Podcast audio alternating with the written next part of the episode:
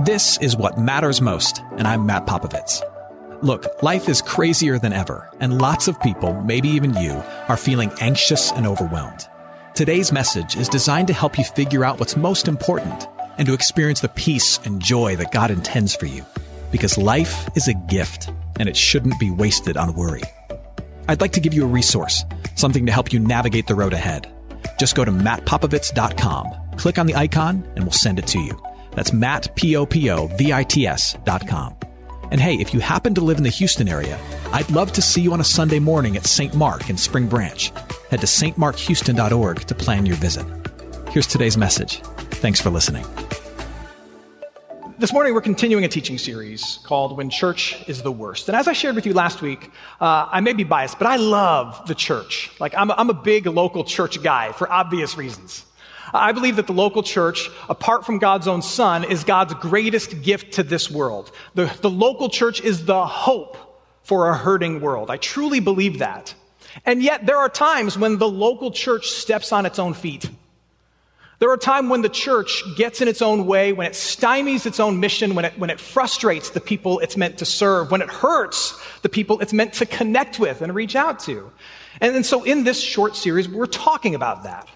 And it's important for us to have this conversation as we as a church begin to slowly but surely reopen and welcome the world back onto our campus and, and into these four walls to worship with us in person. It's good for us to remember why we're here and, and how we can be the best church possible to the people who need the mission of the local church.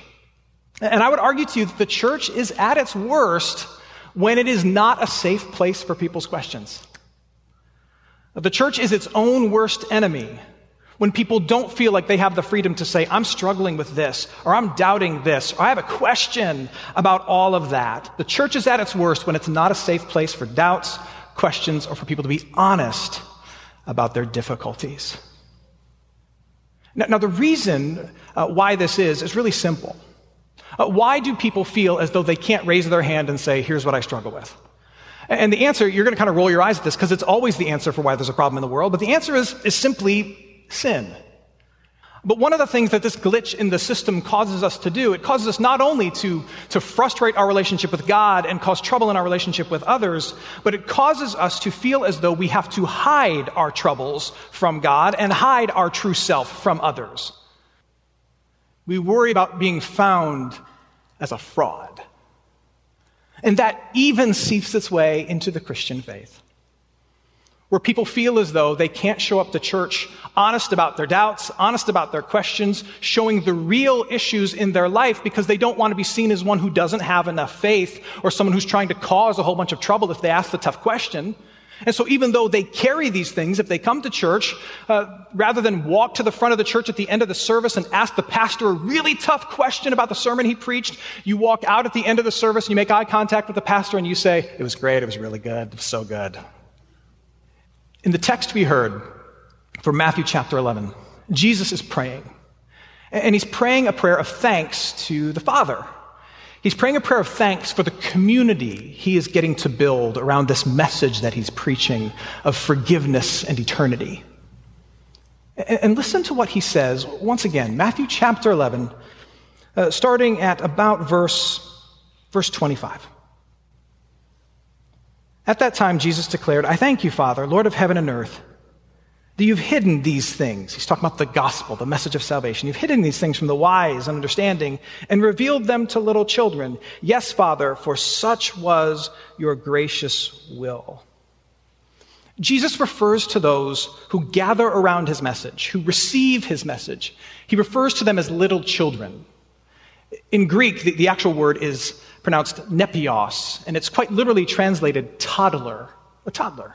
So Jesus says those who gather around him, who, who grasp this message, who form the church, who, who are bold enough, humble enough to, to meet him and to get to know him, they are toddlers.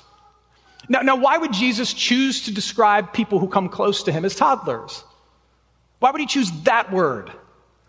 Well, well, here's why. He wants us to read into it everything that there is to read into that word. What do we know about toddlers? Toddlers are cute, but they also don't know squat and so here's what Jesus is saying. That's who you are. And the people who receive the gospel, they're the ones who are humble enough and have had their eyes open to that fact. No one enters the kingdom. No one becomes a part of the local church. No one gathers around Jesus because of their ability. No one gathers around Jesus because of their resume. No one gathers around Jesus because they've figured it out and now they are able to belong. People gather around Jesus because they know that they are nothing but nepios. They are toddlers. I may be adorable, but man, I know what I don't know and I am a whole lot of trouble for myself and others. That's who you are. That's who all of us are. And we enter into this family, this church, by recognizing that. Jesus continues. Let's pick up in, in Matthew chapter 11 uh, once again. He says this All things have been handed over to me by my Father, and no one knows the Son except the Father, and no one knows the Father except for the Son, and anyone to whom the Son chooses to reveal him. So Jesus is making another point about this community. What matters in this community is not what you become, not what you've accomplished, not what you have, not what you can articulate in terms of theological knowledge or worldly success. What matters, the only thing that matters in this kingdom is knowing Him. That's it. So, so you enter in as a toddler, weak and needy. And then when you enter in, if you enter in with a relationship with Him, then you enter in at the top rung of the ladder. You enter in at the top of the mountain. You enter in having everything that there is to have in this kingdom. There's no hierarchy that we're all trying to climb. There's no path we're all trying to run and then we can compare ourselves against. When you enter into Jesus' family, you enter in weak and needy. And if you enter in in relationship with Him, you have everything you need in this family. And here's why that's important. It's important because Jesus is trying to articulate to you and to me that he's creating a community of unparalleled equity, a community of mutual love and respect. What he's trying to communicate to you and me is that having a relationship is all that matters. Uh, which means, if you and I are sitting in the same pew, if you and I are in the same church, if we're worshiping in the same service, be it online or in person, if we're all here gathered around Jesus, we are all the same. Because to gather around Jesus is to recognize that you're weak and needy and kind of cute, but that's all you've got going for you. And that you are in deep need of Him, which means all of us are the same. Uh, the, the, the, preacher in the front, the addict in the corner, the, the, the day trader who's rolling deep in cash, the day laborer who's got like two bucks to his name. If we're gathered around Jesus, we are exactly the same. And tell me what other institution that's true. Where if you enter in with Jesus, doesn't matter if you're sitting next to a king or a criminal, we're one because we're all just toddling our way through life. And we all know that we're nothing without Him. Now, now, all that being said, what that means then is that this, if all that's true, this has to be, this must be the perfect place to bring your doubts and your questions, your struggles, and your worries. Because again, it's not a community where we check resumes at the door. At least it shouldn't be. It's not a community where you can accomplish things and climb up some kind of ladder closer to Jesus. We're all the same by virtue of being around Jesus. Which means if you enter in and you are willing to admit that you're a toddler, so to speak, if you're willing to say, I've got this worry, I've got this fear, I've got this question, it's not going to disqualify you. People aren't, or they shouldn't look at you and say, hey, you're not supposed to ask that, or hey, hey, hey, hey, you're not supposed to struggle with that. It's not going to mean that you don't belong here. It's going to mean you are in precisely the right place if you bring your questions and your doubts and your difficulties and you're open about them here. You are in the right place. And you are better off as a follower of Jesus by bringing your questions and your doubts and your significant issues to this place and being open about those things. I ultimately believe, particularly when it comes to doubts, that you are stronger if you wrestle with them. You're much stronger, long run. If you dive into them, examine them, Wrap your arms around them. Talk about them. Question. I mean, what do you have to lose? If you actually immerse yourself into this context and you bring your unbelief into this place, at the very least, you'll just get stronger in your unbelieving, um, in, in, your unbelieving uh, core because you'll have actually been here and experienced this. Or, or you could actually come to faith in this place. And if you come to faith, you'll admit that you're better off having come to faith. So either way, I think you win. It is about lived experience that has conjured up certain emotions. You've lived, lived in a world that has caused you to question the existence of the divine and the goodness of a creator. You've lived there. And that stirred up all that unbelief for you. Now, in order to have intellectual integrity in your unbelief, you need to spend some time living here and see if all the things that you now don't believe in can stand up to it. Give yourself a lived experience here. I think you should show up here. You should watch online with us. You should, you should pray the prayers. I know you don't believe. Pray the prayers. Sing the songs. I get it. You don't believe. Pray the prayers. Sing the songs. Meet the people and see what happens and see if your unbelief can stand in the face of a lived experience in the context of the Christian community. And maybe it does, but maybe it doesn't. And maybe then you believe. Maybe. Bring your doubts. Now, in order for us to, to be a place where it's, it's truly safe, whether you're a Christian or kind of an ardent unbeliever, to be open about the things you're struggling, the questions you have, and the doubts that you have, it means that this community needs to resolve to, to always be about certain things so that we, we are faithful in being the kind of place Jesus meant to create, where it's safe to bring these things.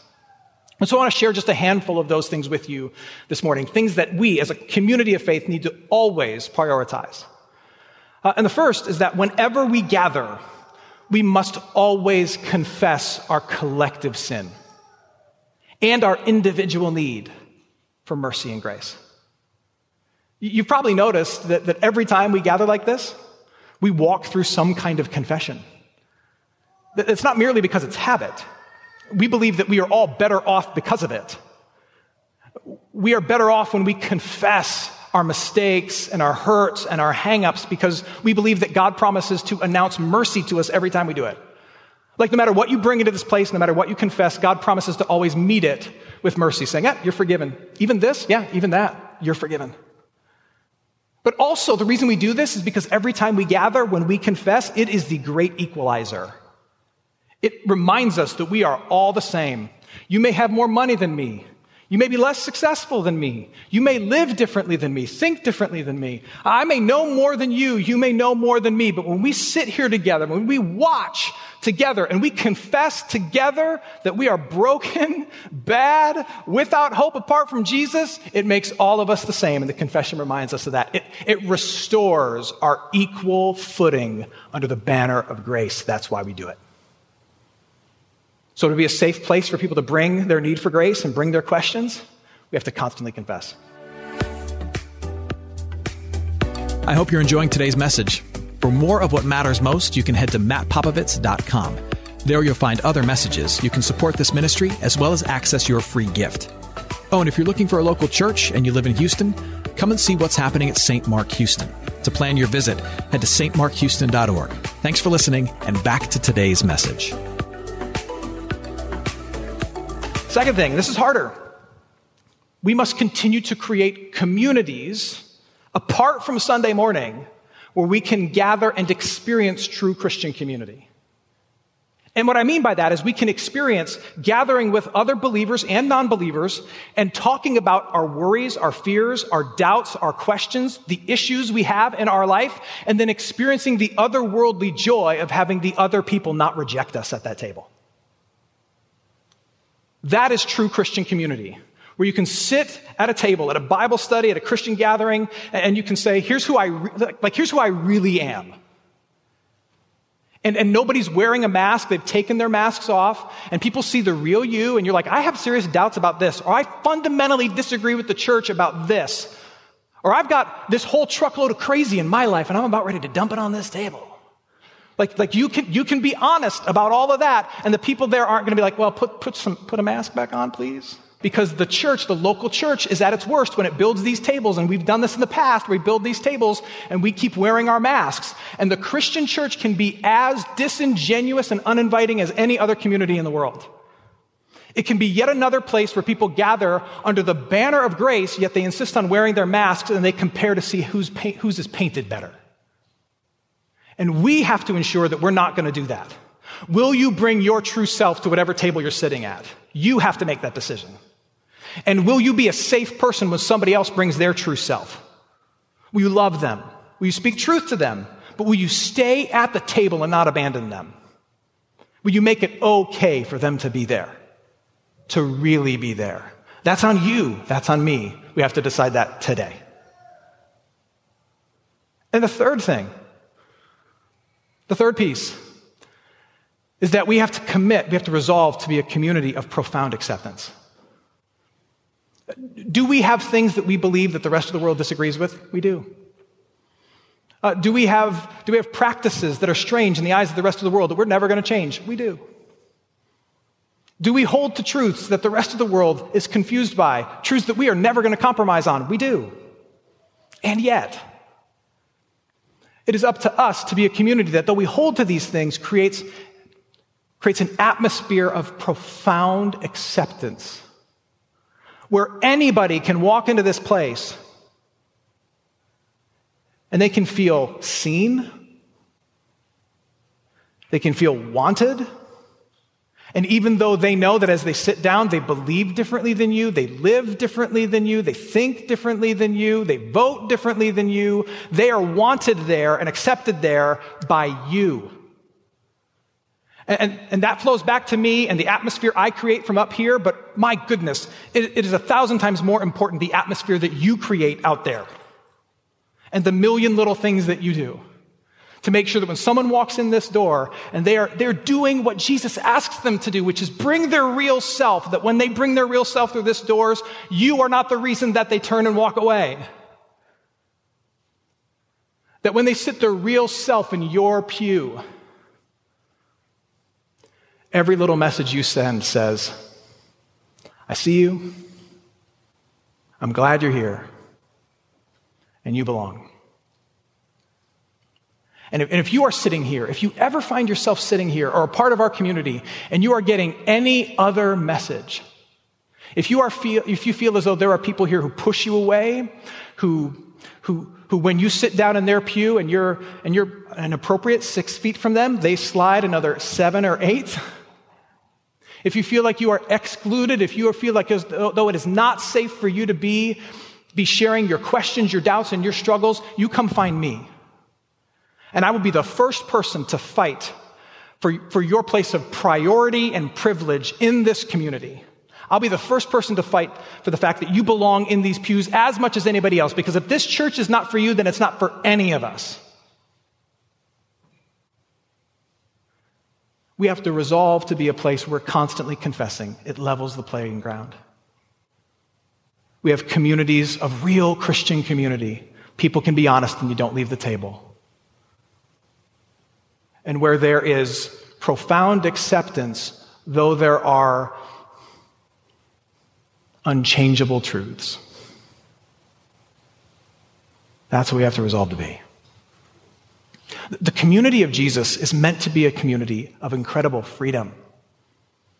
Not freedom in the sense that everybody gets to do what they want, but freedom in the sense that, that Jesus creates this community and we celebrate when we gather the fact that, that it operates unlike any other community in the world. We, we don't have to be so tall to ride the ride. We don't have to have a certain resume to belong. No, we can belong before we even believe. Did you know that? That we can be a part of this place and experience the freedom of saying, I don't have to bring anything to Jesus, and yet I get, I get everything. The, the only entrance fee to Jesus' community is you bringing nothing. Nothing but your need. Here's how Jesus closes this section of prayer and teaching. He says this Come to me, all who labor and are heavy laden, and I will give you rest. Take my yoke upon you and learn from me. For I am gentle and lowly in heart, and you will find rest for your souls. For my yoke is easy and my burden is light. Jesus did not say, Come to me when you've got it all figured out. Come to me when you feel ready to, to fit in along with everybody else. He says, Come to me with your burden. Come to me with your struggle. Come to me as you are, with your questions. With them. I'll close with this. When I was in college, uh, one of my friends was a, a kid named Chad. And uh, he was known in, in our circle of friends as the, the angry atheist shirtless drummer. And he actually came to faith because we invited him to be a part of our music ministry at the church that I was serving at at the time. And um, uh, however, he was not a believer when he started playing music with us, and, and, and, we, we had some, some mutual things we had to agree upon. He, he walked in the door that first Sunday and he was like, Look, I'll play music with you, but you, you can't try to convert me. And we were like, Cool, we have some things too. Like, um, you can be a non believing drummer, but you have to wear a shirt. And he was like, deal. So he wore a shirt. We didn't press too hard on Jesus. And yet, he became a believer. He became a believer because we loved him and we welcomed him and we just kind of shared life with him even before he believed. And then later on, he was sharing with me how he was trying to invite a, a friend from college to church once he'd become a believer. And this girl had every reason in her mind not to show up. She said, I don't agree with the church's teaching on this. I have a struggle with this particular issue uh, in the local church. And besides, I, am all about this thing and I'm indulging in that thing. And I know that the church has problems with all those things. So thanks, but no thanks. And then Chad shared with me what his response was to her. He looked at her and he said, That's okay. You can bring all those things. Bring all those things and and just learn about who Jesus is, and God will deal with all those other things later. And it, it was so wise for someone who's so new to the faith, and it reminded me of, of, of Matthew chapter 11, where Jesus says, Come to me. Just, just come to me with your burdens, with your questions, with your doubts. Just come to me. And I asked him, I said, How did you know to say that to her? That she can bring all those things. How did you know to say that to her? And he, he looked at me and he said, Because that's what you guys did to me. You said, Come and just Bring all the stuff you're, you're wrestling with and bring it with you and just be with us. And we're going to trust that Jesus will answer questions and deal with issues. Just be with us. There is, my friends, a, a belief that there are lots of unspoken rules that we all need to adhere to in order to be functional adults. But thanks be to God that the church is not a place for functional adults. It's a place for toddlers and strugglers and broken ones and doubting ones. May we, St. Mark, may we always be a place where it's okay to be who you actually are. Someone with questions, someone with doubts, someone with a deep need for Jesus. Amen. Let's pray. Heavenly Father, uh, we thank you that you have revealed the message of mercy to people such as us. Because we know that we're the only kind of people that exist. People who are in desperate need of, of your love and your guidance and your help and your mercy. Uh, Father, help us to offer to the world what you have offered to us. You have offered us welcome into your family, bringing nothing accept our burdens and our pains and our struggles. Father, help us to create a community in our homes, in our workplace, in our individual interactions with friends, and certainly as a gathered corporate church. Help us to create a community where we create the same environment with others that you have offered to us. May we be safe people, a safe place for every single toddler among us. In Jesus' name, amen. Hey, it's Matt. I hope you enjoyed what matters most. Here's what I need you to know life is a gift, and it shouldn't be wasted on worry. I want to help you figure out what's most important and to experience the peace and joy that God intends for you. So, for more content, you can head to mattpopovits.com. That's Matt, P O P O V I T S.com. There, you can also support this ministry as well as access your free resource, a little something to help you navigate the road ahead. I'd also love to see you on a Sunday morning. If you're in the Houston area, head to stmarkhouston.org to plan your visit. In the meantime, hit me up on Instagram at mpopovits or at facebook.com slash Matt Popovits Ministries. Thanks for listening. Now go and hold tight to what matters most.